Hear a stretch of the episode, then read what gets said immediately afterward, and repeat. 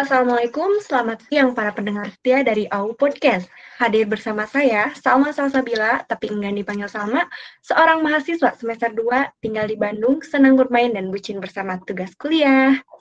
Oke, itulah pembukaan sedikit menyenangkan bagi saya, meskipun tidak bagi kalian. Karena apa? Selanjutnya kami akan bincang-bincang mengenai konsep lingkungan bisnis dan etika dalam bisnis yang pasti menyenangkan untuk kalian. Namun sebelumnya, saya di sini tentunya tidak sendiri. Saya akan memperkenalkan rekan saya, yaitu Noval Zakwan Ramadan, sesama mahasiswa semester 2, beda gender, beda tempat tinggal, dan mungkin kepada Noval bisa menyapa dulu para pendengar Aupod ini. Oke, Sabil, terima kasih sebelumnya sudah menjelaskan saya dengan umum ya ternyata. Tapi penasaran nih, kata dan terakhir itu apaan ya? Dan lain-lain ya Pak. Mohon maaf. Waduh, oke oke. Saya yang receh atau Anda yang gari ya? Tapi gak apa-apa lah, saya ketawa kok. Oke, lanjut.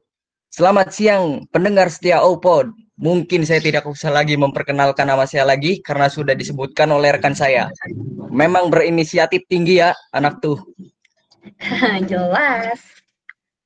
Oh iya nih Sal, ngomongin tentang bisnis nih dunia bisnis di era sekarang jauh lebih inovatif karena perkembangan teknologi. Makanya tuh sekarang apa pun bisa dijadiin bisnis. Kayak bikin konten keseharian di rumah, ngapain aja pun bisa menghasilkan uang. Keren sih tuh.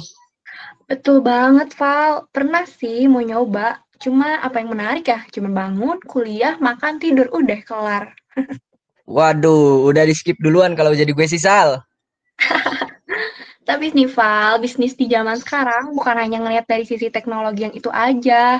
Bisnis online sekarang tuh lagi diincar para pebisnis muda ataupun yang sudah berpengalaman.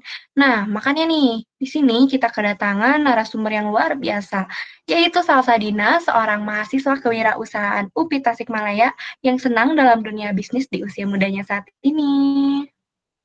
Benar sekali, Bill. Salsa Dina ini bergabung juga dengan kepengurusan Koperasi Mahasiswa UPI Tasikmalaya dan juga sudah mempunyai banyak usaha sendiri yang bergerak di bidang online shop. Makanya nih, sebelum terjun dalam dunia bisnis, alangkah baiknya kita mengenali konsep, etika, dan lingkungan lingkungan bisnis yang itu seperti apa. Baik, O Podcast, perkenalkan narasumber kami kali ini, Salsa Dina. Halo Salsa Dina, apakah sudah terhubung? Halo Naufal dan Salma, Alhamdulillah sudah terhubung. Oke, Halo juga. selamat siang, selamat siang Salsa. Aduh, berasa manggil diri sendiri ya? Atau biasa dipanggil apa nih Sal? Uh, panggil apa ya? Caca boleh, bebas lah, seenaknya aja. Oke, panggil Caca. Apa kabar, Ca? Alhamdulillah baik. Salma gimana kabarnya? Dan teman-teman Alhamdulillah baik. oh ya, Ca, kan sekarang lagi di masa kuliah online gini ya. Sekarang Caca sibuk apa sih? Sibuk apa ya? Sama sih sebenarnya kayak mahasiswa lain cuma sambil ngisi-ngisi waktu luang dengan hal-hal lain ya yang tadi kayak teman-teman bilang mungkin diselingi sama jualan online dan ikutan volunteering online kayak gitu sih Wah, keren banget ya. Sudah produktif sejak dini sepertinya.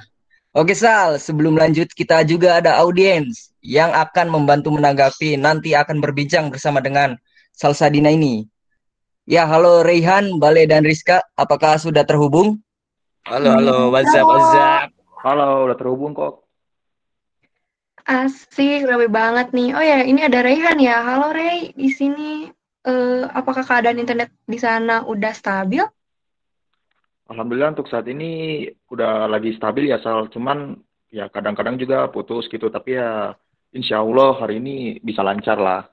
Amin. Amin. Oh, seperti itu ya. Semoga kita doakan keadaan internetnya cepat kembali ya, biar gak susah dihubungnya lagi ya, Rey. Amin, amin. Amin, amin, amin. Biar gak SMS lagi. Sal. Kasihan nih narasumber kita malah merhatiin kita aja. Kira-kira apa sih yang mau kita bahas dengan oh, dia? Iya.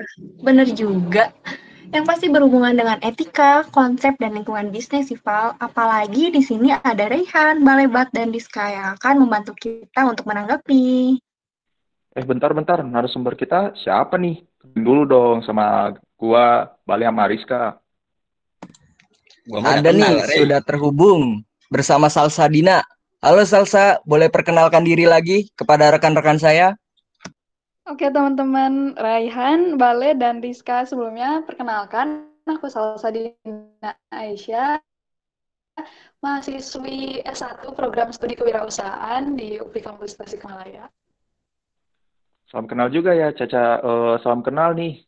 Salam kenal, Caca. Uh, Dengar-dengar kamu uh, nekunin bisnis online ya, keren banget. Kalau dibilang nekunin sih sebenarnya bisa lah dibilang kayak gitu tapi aku yakin teman-teman yang lain juga kayaknya ada yang udah mulai deh keren keren wow keren ini suhu kita ini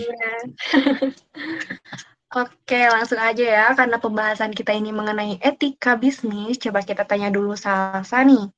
Menurut kamu nih, Cak, etika itu apa sih? Menurut aku pribadi nih ya, etika tuh sikap atau perilaku yang dilakukan oleh seseorang yang dianggap baik dalam suatu lingkungan. Simpelnya kayak gitu sih. Jadi uh, etika itu kayak sikap kita terhadap orang lain gitu, Cak? Hmm, ya bisa ya dibilang kayak gitu. Kenapa? Etika, tapi kalau sikap tuh kan bisa positif, bisa negatif. Nah, kalau etika ini setahu aku tuh sikap dan perilaku yang uh, dianggap baik gitu di masyarakat. Kayak gitu sih. Berarti kalau sikap dan uh, perilaku kita itu kayak apa ya? Kayak masyarakat gitu yang menilai kita bukan cak kayak kita dapat feedbacknya apa gimana gitu cak? Uh, uh, kita ambil contoh di sini aja ya di room ini. Tadi begitu aku masuk teman-teman udah menyambut aku gitu. Nah itu adalah salah satu etika sih menurut aku.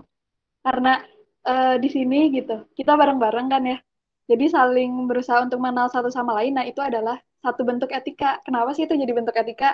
Karena anggaplah gitu, gimana caranya kita memperlakukan orang lain ataupun memperlakukan diri sendiri dengan sopan gitu. Nah, jadi ada etikanya. Nah, etika tuh namanya eh, etika tuh yang kayak gitu gitu. Nah, bicara tentang etika nih, menurut Caca sendiri sebenarnya etika itu penting gak sih?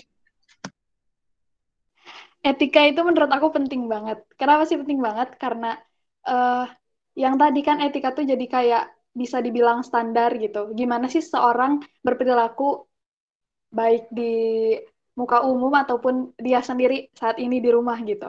Nah, uh, di etika ini tuh kenapa sih penting banget gitu? Karena dengan etika ini kita bisa jadi dapat apa ya? Dapat citra, dapat citranya tuh bisa citra baik ataupun citra buruk dari orang lain. Nah, Kenapa sih penting? Kalau misalnya kita punya etika yang baik, nah otomatis orang lain pun akan apa ya, akan memberikan citra yang positif pada kita kayak gitu. Selain itu juga, kenapa sih etika ini penting gitu? Karena dapat kita pahami sendiri ya bahwa manusia adalah makhluk sosial. Nah, ini tuh kenapa uh, ini tuh salah satu hal yang menjadi penyebab kalau si etika ini penting kayak gitu sih. Oh ya benar, karena kita makhluk sosial, kita tidak bisa hidup sendiri ya. Jadi kita harus mempunyai etika gitu ya, Cak. Kurang lebih. Iya, kayak gitu. Eh, keren banget nih tentang etika. Gimana nih? Apakah ada tanggapan dari Raihan atau Rizka? Aku sih setuju ya, uh, Val habis menurut gua kan benar setuju etika itu kan lagi pula etika juga kan buat diri kita sendiri juga ya kan. Biar kita juga uh, sebagai manusia, uh, makhluk sosial berinteraksi dengan orang lain tentunya harus baik agar kita dapat back positif uh, dapat ya feedback positif dari orang lain gitu. Wow, keren-keren sih jawabannya. Terus nih, kalau misalnya berhubungan dengan bisnis ya, Cak. Nih, misalnya Caca punya suatu perusahaan bisnis. Caca lebih mau dikenal sebagai bos atau seorang leader, karena kan ada yang beranggapan kalau bos itu tugasnya hanya menyuruh-nyuruh saja gitu. Gimana menurut Caca? Oke, izin berpendapat ya. Ini pendapat aku pribadi dan udah baca beberapa referensi lain. Jadi sebenarnya bos sama leader itu bukan hal yang bisa disamaratakan gitu. Kenapa sih? Karena bos ini sebenarnya tuh cuma sebutan gitu kalau misalnya kita nggak pakai lihat dari POV atau point of view yang bos itu adalah orang yang nyuruh-nyuruh doang gitu. Kalau aku baca tuh sebenarnya bos tuh artinya tuh sebutan bagi seseorang yang punya wewenang di atas. Nah, terlepas dari sikap dia bosi atau enggak, yang biasa kita sebut bosi tadi gitu. Jadi sebenarnya seorang bos itu harus punya sikap leadership. Nah, di sini aku tuh maunya jadi bos yang punya sikap leadership. Jadi apa ya? Jadi uh, punya sikap yang tetap leadership gitu. Tapi karena emang jabatan aku mungkin nantinya bakal di atas, jadi disebutnya bos. Tapi sikapnya yang leadership yang tadi aku bilang. Nah, jadi dua hal ini tuh gak bisa disamaratakan. Uh, soalnya kan kalau bos tuh nyuruh-nyuruh doang gitu ya, yang kita tahu nih stigmanya. Nah, tapi kalau misalnya si bos itu punya leadership yang bagus gitu, otomatis dia pun bukan bakal nyuruh doang gitu kan, tapi bisa juga ngajak kita atau uh, apa ya, intinya kita tuh sama-sama punya hak yang sama untuk menyuarakan pendapat gitu, mau di mau menurut aku ya ini mau di dalam satu perusahaan sekalipun gitu kan. Nah, terus di sini tuh harus tetap diingat walaupun posisi kita sebagai orang yang di atas lah anggap gitu ya uh, kita harus tetap pakai uh, pendekatan yang bawa-bawa hak asasi manusia. Kenapa sih kayak gitu? Karena kalau misalnya tadi ingat yang kata Salma ya bilang bos itu orang yang uh, seringnya tuh nyuruh-nyuruh aja nah kalau misalnya kita pakainya sudut pandang uh, lewat hak asasi manusia berarti otomatis kita kan punya hak untuk berbicara punya hak untuk melakukan hal-hal yang sama sebenarnya kayak si bos tadi gitu, kayak si pemimpin tadi. Nah, kenapa sih aku bilang kalau misalnya leadership ini atau pemimpin ini beda sama bos? Soalnya uh, leadership ini nggak harus di atas posisinya.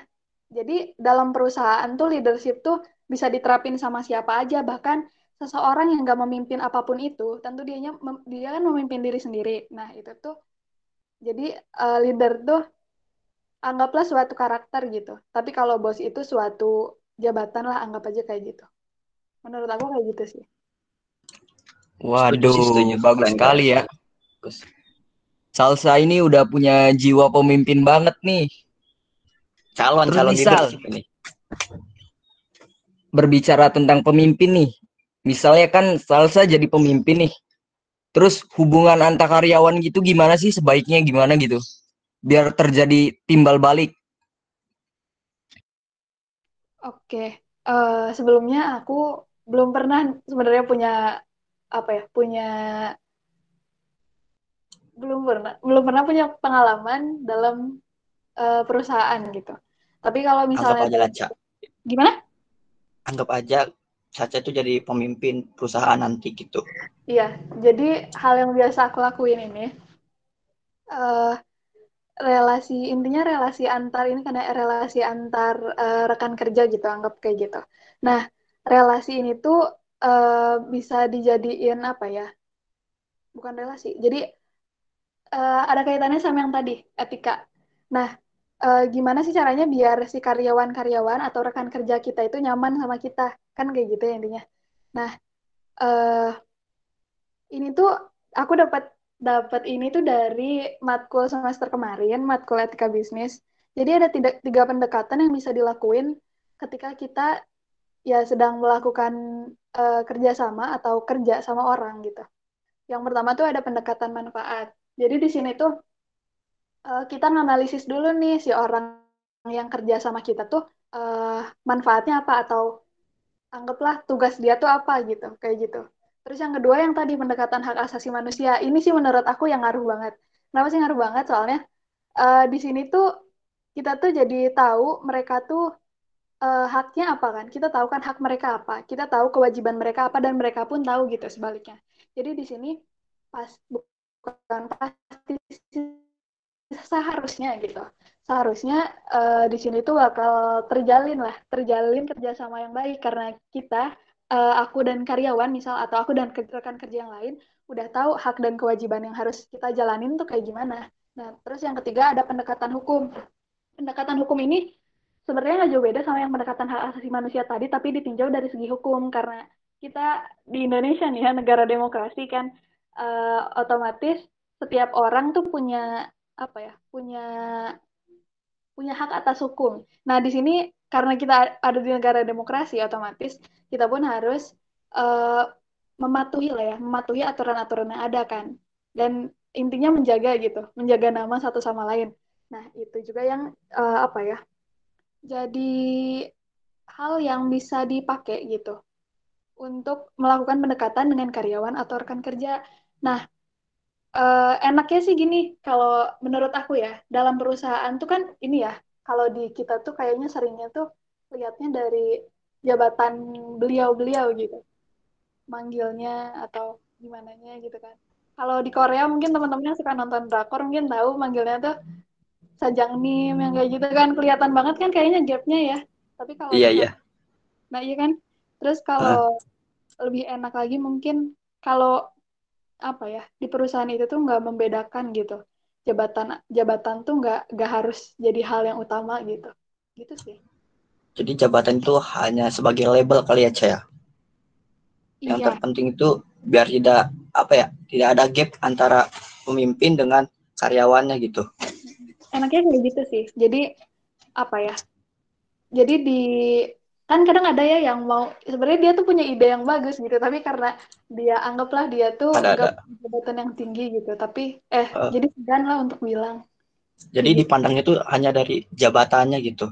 Mm-mm, Ah, ada yang jabatannya rendah, nggak nggak penting gitu. Kan ada berstigma kayak gitu tuh. Iya. Makanya hal jadi hal jadi PR sih menurut aku. Gitu tuh. Itu kayak kayaknya sih berat sekali, Cak, kalau kayak gitu, Maca. Apa? Kalau dapat apa ya kayak masih ada stigma kayak gitu kayaknya berat dah. Iya, makanya itu tuh kalau misal kita lihat tuh di perusahaan-perusahaan yang udah berdiri dari zaman dulu, nggak zaman dulu sih, anggaplah tahun 2010-an ya, kayaknya mereka tuh masih pakai sistem yang kayak lu CEO, gue CTO, kayak gitu-gitu kan ya. Nah kalau sekarang tuh aku lihat, gak sekarang sih, ya sekarang sih, kemarin-kemarin mungkin ya, Eh, Tokped, Tokped tuh manggil di Tokopedia tuh manggil satu sama lain tuh nggak pakai sebutan apa namanya itu nggak pakai sebutan kayak kayak yang tadi di Korea gitu loh sajang nim yang kayak gitu ya maksudnya tuh nggak pakai gap-gap gitu jadi mereka tuh manggilnya tuh sama-sama apa ya aku lupa oh nakama manggilnya tuh jadi nakama bale misalnya nakama Oh, jadi kayak ada panggilan Kayak khusus gitu ya. Cak. hmm, Antara teman Iya, gitu. nakama itu artinya teman. Iya bahasa apa sih bahasa Jepang ya Jepang. Jepang bahasa Jepang. Jepang, Jepang. Iya gitu Nih, Emang salsa ini nih, tahu. salsa nih, udah can, udah cantik, berjiwa pemimpin pula. Mau Asik. nanya, ini Ca, mau nanya, kalau panggilan aku sama kamu apa, Ca? apa ya itu sih. Udah, udah, balik lagi. Gimana nih, Modusnya halus. Kakak, kakak Rehan, apakah ada tanggapan? Setuju. Karena eh, seperti yang dibilang, ada beberapa karyawan yang gue juga experience beberapa sih. Apa kayak mereka sebenarnya punya visi yang bagus gitu untuk perusahaan, tapi sayangnya masih dilihat sebagai eh, dilihat dari pangkatnya gitu. Jadi mungkin higher ups-nya, eh, maksudnya petingginya itu kayak ngerasa mungkin idenya eh, kayak remeh gitu. Bisa saja itu ide itu mungkin yang jadi eh, kayak menghasilkan keuntungan itu bagi perusahaan. Benar sih, gue setuju. Emang seperti yang tadi Caca bilang, kayak yang di Tokopedia itu, oh, manggilnya kayak seorang temen itu, itu bagus sih emang. Setuju, setuju gue. Oke, tadi juga aku nggak denger ya tentang tiga pendekatan dalam etika nih yang menarik banget. Terus gimana sih yang harus Caca lakuin kalau misalnya punya perasa perusahaan, terus dalam mendidik etika karyawannya tuh gimana selain dengan tiga pendek- pendekatan itu? Oke, izin menjawab ya. Jadi, eh, cara mendidik karyawan biar beretika, ini kayak gitu kan ya. Nah, sebenarnya ini tuh, kalau menurut aku ya, kalau misalnya nih posisi aku lagi jadi HRD atau HRD. Nah, itu tuh sebenarnya di awal proses rekrutmen tuh kita udah menerapkan, bukan menerapkan, menentukan udah menentukan kriteria orang-orang yang mau masuk ke perusahaan kita tuh kayak apa sih. Nah tentunya di sini kalau misalnya aku diposisikan jadi seorang HRD, aku memutuskan untuk eh, netap, bukan netapin, udah memutuskan untuk menerapkan atau menentukan kriteria kriteria eh, para karyawan yang eh, minimal punya kebiasaan baik gitu. Kenapa sih kayak gitu? Soalnya kalau misalnya mereka udah punya kebiasaan baik, otomatis kita pun uh, ngedidiknya gitu bakal lebih gampang kan. Nah, terus uh, selain itu uh, di dalam proses ini tuh di rekrutmen awal tuh pasti bukan pasti sih mereka tuh seharusnya udah tahu gitu atau enggak sama kita tuh dijelasin aturan-aturan di perusahaan ini tuh kayak gimana emang sih aku sadar aku sadar gitu dan tahu kalau misalnya ngejelasin doang tuh kan kadang gak masuk gitu ya. Kayak gak masuk gitu ke otak tuh kadang gak masuk juga ke actionnya. Nah jadi di sini tuh sebisa mungkin kita atur uh, apa ya atur ritme perusahaan atau atur ritme kantornya tuh yang emang mendukung si aturan tersebut gitu. Kan kadang ada yang misalnya nerapin aturan tapi sebenarnya perusahaannya tuh nggak selaras sama aturan itu gitu. Jadi gimana caranya kita punya apa ya kita tuh uh, netepin aturan yang emang pas buat perusahaan kita nanti dari situ otomatis perlahan-lahan pun si karyawan bakal terbiasa gitu bakal terbiasa melakukan etika-etika tadi. Nah, selain itu juga karyawan tuh uh, seharusnya sadar sama kewajiban-kewajiban karyawan. Ini juga aku belajar dari materi etika bisnis semester kemarin. Jadi ada uh, yang disebut dengan kewajiban uh, karyawan. Nah, kewajiban karyawan ini jadi kayak apa ya? Jadi mereka tuh udah tahu gitu apa aja yang harus mereka lakuin. Terus selain itu kan balik lagi ke yang awal tadi, kita tuh udah tahu hak dan kewajiban kita masing-masing kayak gimana. Udah juga udah diatur juga sebenarnya ada undang-undangnya juga gitu. Nah, cara jadi caranya tadi membiasakan uh, karyawan berlaku sesuai ritme perusahaan. Jadi otomatis kan mereka pun bakal terbiasa nih melakukan etika-etika. Selain itu juga uh, menerapkan apa ya? Sebisa mungkin bikin nyaman yang tadi karena ketika kita udah nyaman sama sesuatu gitu. Jangan kan sama sesuatu kan sama seseorang juga gitu. Jadi kayak uh, kalau udah nyaman tuh ada rasa saling kan, saling memiliki gitu. Nah kalau di situ asik, ber- asik, berat berat. Aduh, aduh eh, keren. Eh, tapi enggak sih kalau misalnya, ini gini ya, ambil contoh deh. Misal aku kerja nih sama Bale. Nah terus kita tuh gak kerja lah, anggaplah kita tuh ada di satu company atau di corporation gitu. Jadi Bale punya perusahaan dan aku punya perusahaan. Sebenarnya perusahaan kita beda nih ya, tapi karena aku udah udah klub nih sama balai gitu udah ada rasa udah ada rasa apa ya udah ada rasa memiliki Cocok lah, gitu.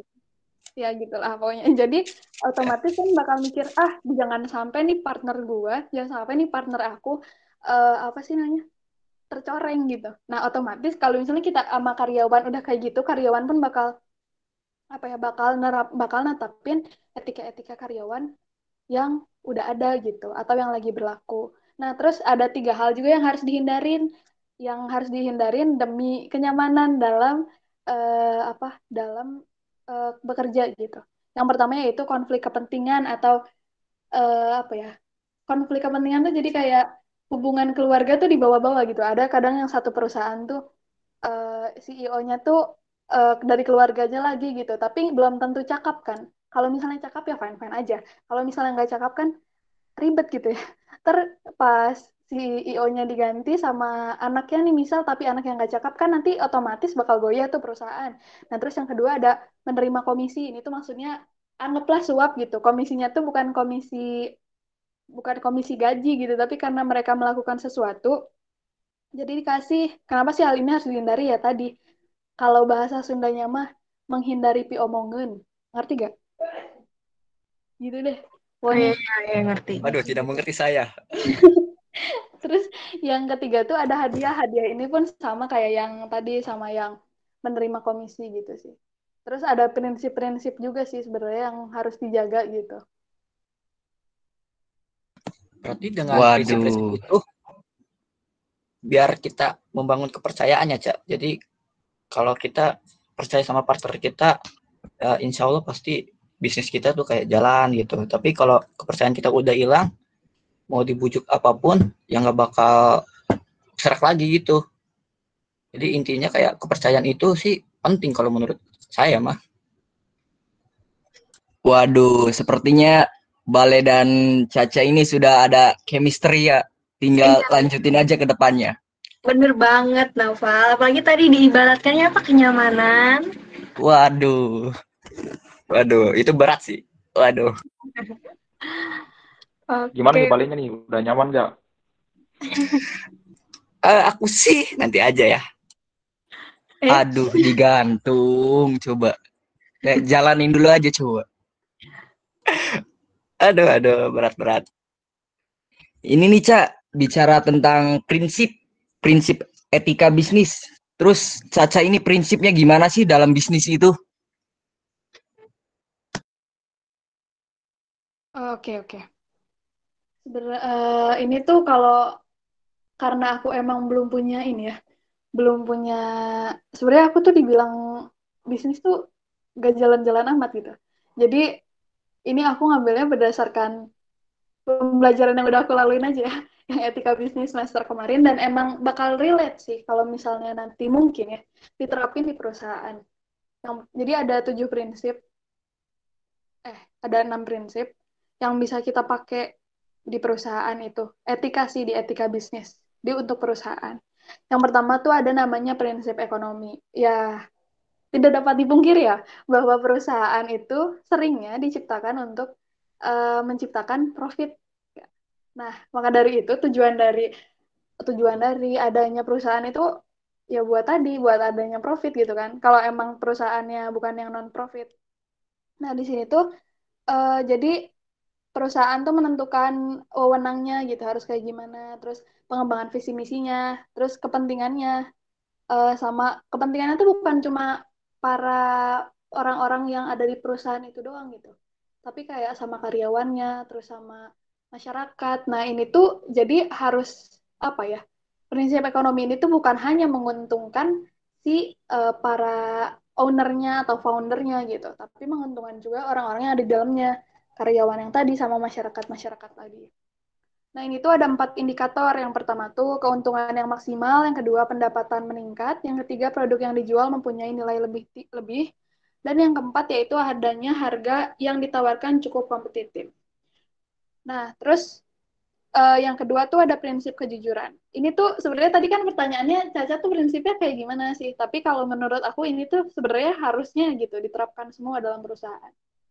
Nah, yang kedua itu ada prinsip kejujuran. Kenapa sih prinsip kejujuran ini ada gitu? Karena balik lagi yang tadi, segimanapun uh, karyawan bekerja untuk perusahaan gitu, tetap aja kan harus ada nilai kepercayaan yang tadi dan kepercayaan itu bisa dibangun dengan adanya kejujuran. Nah, dengan adanya kejujuran ini otomatis semua pihak tuh bakal ini bakal lebih apa ya? lebih sinkron gitu dalam kegiatan bisnis tuh. Terus dengan adanya kejujuran ini uh, suatu perusahaan tuh bakal dapat dipercaya oleh masyarakat. Yang tadi kayak misal uh, kan sekarang banyak nih pabrik-pabrik yang sebelahan sama uh, kawasan penduduk. Nah itu tuh kalau misalnya si perusahaan ini kita bisa nih nggak harus uh, eh ini bisa kita nih meminimalisir si limbah gitu. Tapi ternyata mereka nggak bisa eh nggak bisa. Mereka tuh masih menghasilkan limbah yang banyak gitu kan. Otomatis mereka tuh nggak bisa menjaga kepercayaan kan dari uh, masyarakat. Kenapa nggak bilang aja gitu? Kita tuh sebenarnya uh, belum bisa menangani limbah ini. Kalau misalnya kayak gitu kan otomatis mungkin rasa rasa emosi dari masyarakat pun nggak akan segede itu gitu. Karena si perusahaan tuh nggak ngasih apa ya nggak ngasih harapan lah anggap kayak gitu. Nah di sini tuh ada empat indikatornya juga. Yang pertama adalah hubungan kerjasama dengan mitra. Yang kedua penawaran dan penawaran barang atau jasa. Yang ketiga yaitu jujur kepada seluruh mitra. Dan keempat yaitu informasi atau data yang diberikan sesuai dengan fakta. Nah ini juga berkaitan sama investor. Kan kita tuh kalau mau investasi tuh lihat dulu ya mereka uh, naik atau turun, mereka tuh graf, uh, punya utang nggak ke perusahaan lain atau kayak gimana. Nah, di sini tuh kejujurannya tuh transparansinya tuh bakal dilihat juga kan.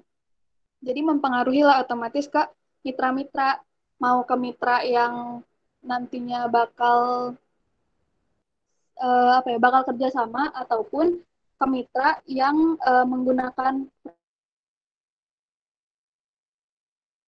ketiga yaitu ada prinsip niat baik dan tidak berniat jahat. Karena ini tuh berhubungan banget sama yang prinsip kejujuran tadi. Kalau jahat mah ngapain kerja sama kan ya kayak gitu. Ngapain juga kita bikin perusahaan. Jadi intinya ya perlu ada itikat baik lah dari kita gitu. Bukan bukan cuma buat perusahaan tapi buat lingkungan juga. Karena kita kan posisinya di apa ya di lingkungan masyarakat gitu otomatis kita pun harus ada etikat baik gitu nah Betul. Si prinsip ini itu ada tiga ada tiga indikator. Yang pertama tidak berlaku curang. Yang kedua memberikan sesuatu yang terbaik pada konsumen atau pelanggan. Dan yang ketiga kerjasama positif antar mitra. Ini tuh hubungannya erat sama yang kejujuran tadi. Terus ada prinsip keadilan. Nah ini tuh ini tuh sama kayak yang hak asasi manusia tadi. Jadi kita tetap harus uh, apa ya memperhatikan berbagai aspek gitu di sini tuh. Nah indikatornya itu ada dua harga produk dan harga produk sesuai dengan kualitas dan memberikan pelayanan yang adil kepada semua pelanggan atau konsumen. Nah di sini tuh teman-teman juga mungkin tahu ya kalau misalnya beli barang, mending kalau misalnya harganya murah, kualitasnya bagus. Kalau harganya mahal tapi kualitasnya murah tuh kayak udahlah mending gak usah beli lagi gitu kan pasti ada bahasa kayak gitu ada sebutan ada sebutan-sebutan atau celetukan kayak gitu kan nah otomatis ini juga harus diterapin prinsip keadilan tuh terus selain itu prinsip keadilan juga ini bisa diterapin ke karyawan terus ke lingkungan sebenarnya balik lagi sih ke rekan kerja lingkungan pelanggan dan perusahaan itu sendiri terus ada prinsip otonomi nah prinsip otonomi ini tuh prinsip yang memperlihatkan sikap kemandirian, kebebasan, dan tanggung jawab. Jadi di sini tuh uh, apa ya? Jadi di Jadi aku udah ambil apa ya suatu konklusi apa satu inti dari percakapan tadi bahwa kejujuran dan etika itu poin terpenting dalam kita berbisnis. Jangankan berbisnis, dalam bermasyarakat pun itu sangat penting untuk membangun suatu kepercayaan. Itu sih yang bisa saya ambil tadi. Nah, iya benar, Bale. Berarti bersangkut paut sama lingkungan bisnis ya, Caya? Iya, itu sih intinya, sebenarnya. Intinya tentang ekonomi, jujur, terus uh, win-win solution yang tadi, terus ya itu, sebenarnya intinya itu ada tujuh. Tapi intinya sama kok, sebenarnya ke situ ngarahnya. Uh, sepertinya ini ya sudah mau berakhir seperti hubungan. Ini satu kali lagi, Cak. Terakhir nih, apa pesan untuk penonton podcast ini ketika ingin membentuk suatu bisnis? Gimana tuh? Oke, pesannya ini aja sih. Jangan takut buat mulai bisnis. Banyak kan orang tuh takut ya buat mulai bisnis karena ketakutan yang kamu dapat tuh asalnya dari diri kamu sendiri gitu terus banyak alasan gitu di kamunya jadi kamunya susah untuk berkembang gitu. terus uh, ketika kamu udah mulai ngejalanin bisnis jangan lupa juga buat eh, sering-sering uh, berbagi gitu minimal ke lingkungan terdekat nah itu juga jadi salah satu hal yang bikin kenapa sih bisnis kamu bisa tetap jalan sampai sekarang kayak gitu sih Wow, keren banget Salsa. Pesan terakhirnya untuk para pendengar di podcast ini. Oke, okay, uh, eh, mungkin mau ditutup aja ya. Menarik sekali podcast kali ini tentang etika bisnis, prinsip kejujuran yang diterapkan oleh Caca, lalu dengan memperhatikan lingkungan bisnis ini sebagai bentuk tanggung jawab bisnis ya, Caca. Semoga sangat bermanfaat untuk para pendengar setia OPOD di mana pun kalian berada. Terima kasih kepada Salsa, narasumber luar biasa kami yang mau menyempatkan waktunya. Tidak lupa saya ucapkan terima kasih juga kepada para audiens, Balebat, Rizka, dan Rehan yang ikut berdiskusi dalam output ini. Sekian dari kami, nantikan podcast selanjutnya. Bye-bye.